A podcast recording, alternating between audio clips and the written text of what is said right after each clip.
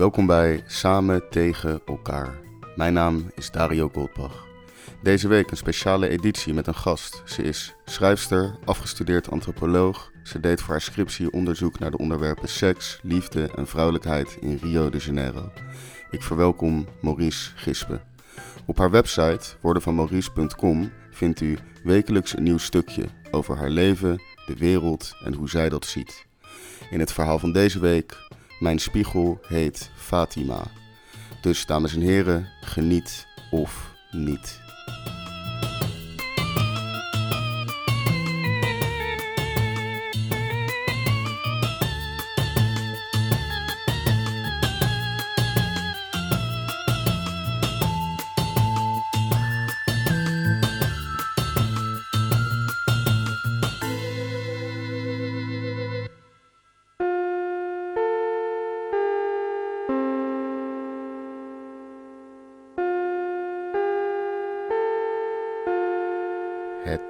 Hoofdprogramma gaat reeds van start.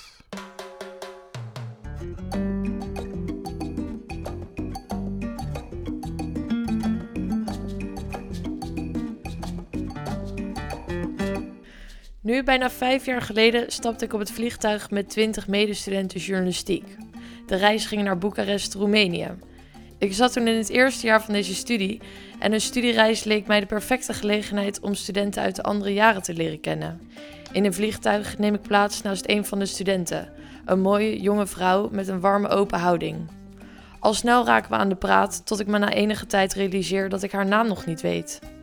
Hoe heet je eigenlijk? vraag ik haar als we aan het opstijgen zijn. Wat denk je zelf? Ik ben een vrouw en ik heb een hoofddoek. Een vraag met humor die mij doet vermoeden dat dit een goede vriendin gaat worden. Ook is het een vraag die mij confronteert met verschillen die we in de loop van onze vriendschap tegen zullen komen. Ik kijk naar haar glunderende gezicht. Fatima, gok ik? Ja, natuurlijk. En hoe heet jij?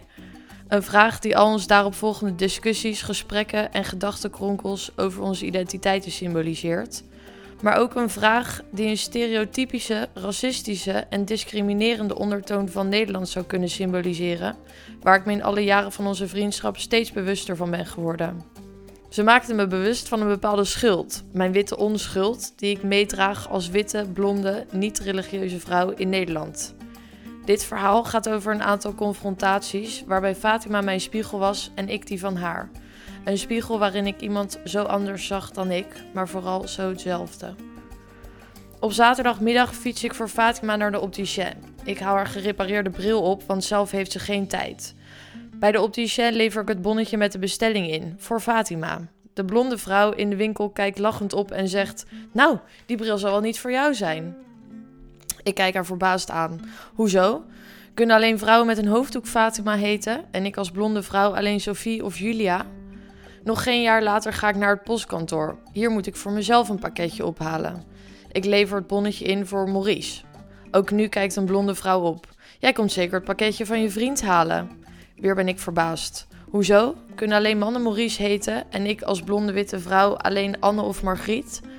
Twee korte alledaagse interacties die mij confronteren met bepaalde stereotypes of aannames waar ik in mijn leven nooit negatief op beoordeeld ben met de naam Maurice. Mijn naam impliceert in veel sociale situaties dat ik een man zou zijn in plaats van een vrouw. De naam Fatima duidt op meer dan alleen haar gender. De naam Fatima draagt aannames over haar etniciteit, nationaliteit en religiositeit, wat nog niks hoeft te zeggen over wie Fatima echt is. De meeste gesprekken van Fatima en mij vinden plaats in een van onze vele koffietentjes of tijdens een wandeling door de binnenstad van Utrecht. Af en toe drinken we dan koffie en roken we een sigaret. Alle twee zijn we geen vaste rokers, maar tijdens ons gesprek was het soms heerlijk dat wel te doen. Op sommige plekken in Utrecht rookt Fatima liever niet, omdat ze weet dat ze beoordelende blikken van anderen zou krijgen wanneer zij, als donkere vrouw met hoofddoek, een sigaret opsteekt. Soms werd ik hier boos van. Ik vond het pijnlijk om te zien hoe ze haar leven door anderen liet beïnvloeden. Ik wilde de beoordelende blikken van anderen liever niet zien. Ik kon niet geloven dat in het veilige, gezellige Utrecht mensen daadwerkelijk op deze manier bezig zijn met andermans leven. Is dit een bepaalde onschuld of onwetendheid van mij als blonde witte vrouw? Het niet herkennen, het niet zien, maar misschien nog belangrijker, het tot op zekere hoogte ook niet willen zien van onderliggende structuren van racisme en discriminatie. In de kringen waar ik ben opgegroeid is niet roken soms eerder de uitzondering dan de regel. Nooit ben ik echt beoordelend aangekeken bij het opsteken van een sigaret, waarbij het bijvoorbeeld binnen de islam minder normaal is om te roken als vrouw. Door de jaren heen begon ik steeds vaker te zien hoe Fatima haar gevoel van anders zijn dan de rest niet een gevoel was wat alleen in haar hoofd bestond. Ik weet nog goed dat twee vreemde jongens, die net als Fatima roots in Somalië hebben, commentaar hadden op het roken van Fatima. Ze riep iets in het Somalisch naar haar. Kende je die jongens? Nee, zegt Fatima terwijl ze snel haar sigaret weggooit. Aan haar gespannen houding was af te lezen dat ze zich ongemakkelijk voelde bij de situatie en de jongens liever niet was tegengekomen. Ik ben me bewust geworden hoe je als individu je identiteit kan of wil uitdragen naar de buitenwereld, maar vooral hoe het uitdragen van jouw identiteiten gelimiteerd is aan de omgeving waar jij op dat moment in bevindt. Al lijken voor mij het uitdragen van mijn identiteiten in Nederland als blonde witte vrouw ongelimiteerd te zijn in tegenstelling tot die van Fatima als donkere religieuze vrouw. Hoe kan ik me bewust worden van mijn positie als blonde witte vrouw in Nederland? En in hoeverre kunnen Fatima en ik hetzelfde zijn, terwijl de buitenwereld ons altijd als verschillend zal zien? De afgelopen jaren werkte Fatima als journalist bij verschillende journalistieke media. Vaak hebben we het gehad over haar positie op de redactie. Ik twijfel altijd waarom ik nou echt bij deze redacties word aangenomen. Is het omdat ik een goede journalist ben of omdat ik meer diversiteit op de redactie breng? Een vraag die we waarschijnlijk nooit helemaal beantwoord zullen krijgen, al denk ik dat het een combinatie van beide is. Ik zelf heb de afgelopen jaren bij veel verschillende horecazaken gewerkt. Vaak probeerde ik Fatima ervan te overtuigen dat ze haar gedachten over uitsluiting en vooroordelen kon overmeesteren door anders te denken. Door te denken: ik ben en een goede journalist en iemand die diversiteit op de redactie brengt. Ik en niemand anders wordt aangenomen. Een andere vraag: waarom word ik als blonde vrouw aangenomen bij een kroeg? Omdat ik een goede horeca-medewerker ben of omdat mijn leuke blonde koppie goed verkoopt op een vrijdagavond achter de bar? Wederom een vergelijking die ik een lange tijd maakte omdat ik niet wilde of kon zien hoe we anders behandeld werden. Wederom een vergelijking die ik een lange tijd maakte omdat ik niet wilde of kon zien hoe we anders behandeld werden. Ondanks dat deze vergelijking misschien geheel onterecht is. Onterecht omdat mijn leuke blonde koppie over het algemeen een positief element met zich meebrengt, terwijl Fatima ervaart hoe zij negatief wordt behandeld omwille van haar uiterlijk als zijnde de ander. Een vergelijking die onterecht is omdat mijn witte huidskleur de norm is in Nederland en de donkere huidskleur van Fatima anders. Fatima bezocht regelmatig de kroeg waar ik werkte. Ik kan me nog goed herinneren dat zij op een vrijdagavond vrolijk binnenwandelde en meteen werd aangekeken door een groep witte mannen in pak. Waarom kijken ze naar Fatima? Kijken ze naar haar omdat het een prachtige jonge vrouw is? Of omdat ze de enige donkere vrouw met een hoofddoek is in de kroeg? Al snel werd bevestigd dat de blik naar Fatima een andere blik was dan wanneer ik binnen zou komen wandelen. Een van de mannen loopt op Fatima af.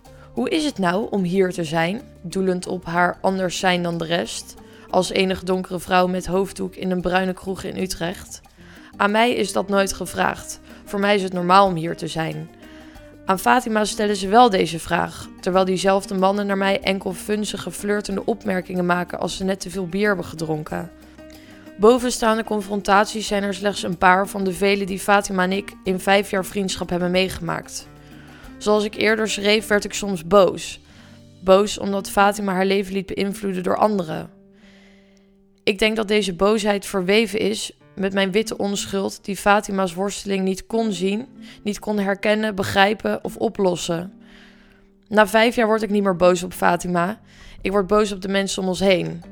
Mensen om ons heen die nooit de dialoog zijn aangegaan, maar enkel hebben gehandeld vanuit hun eigen positie, vanuit de zelf tegenover de ander.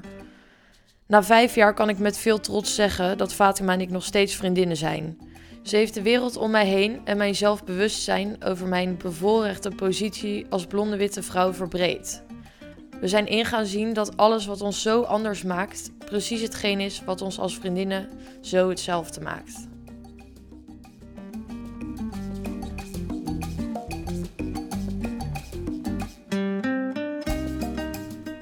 Bedankt voor het luisteren naar Samen tegen elkaar. Graag bedank ik in het bijzonder nogmaals Maurice voor het voordragen van haar stuk. Bekijk ook zeker haar website woordenvanmaurice.com om meer te lezen. Deel deze aflevering ook vooral op de Insta-story en vergeet de toonaangevende Instagrams studio.dario en woorden van Maurice niet te taggen. Verhalen nalezen en contact opnemen kan nog altijd via samentegenelkaar.nl. Mijn naam is Dario Goldbach en ik dank u hartelijk.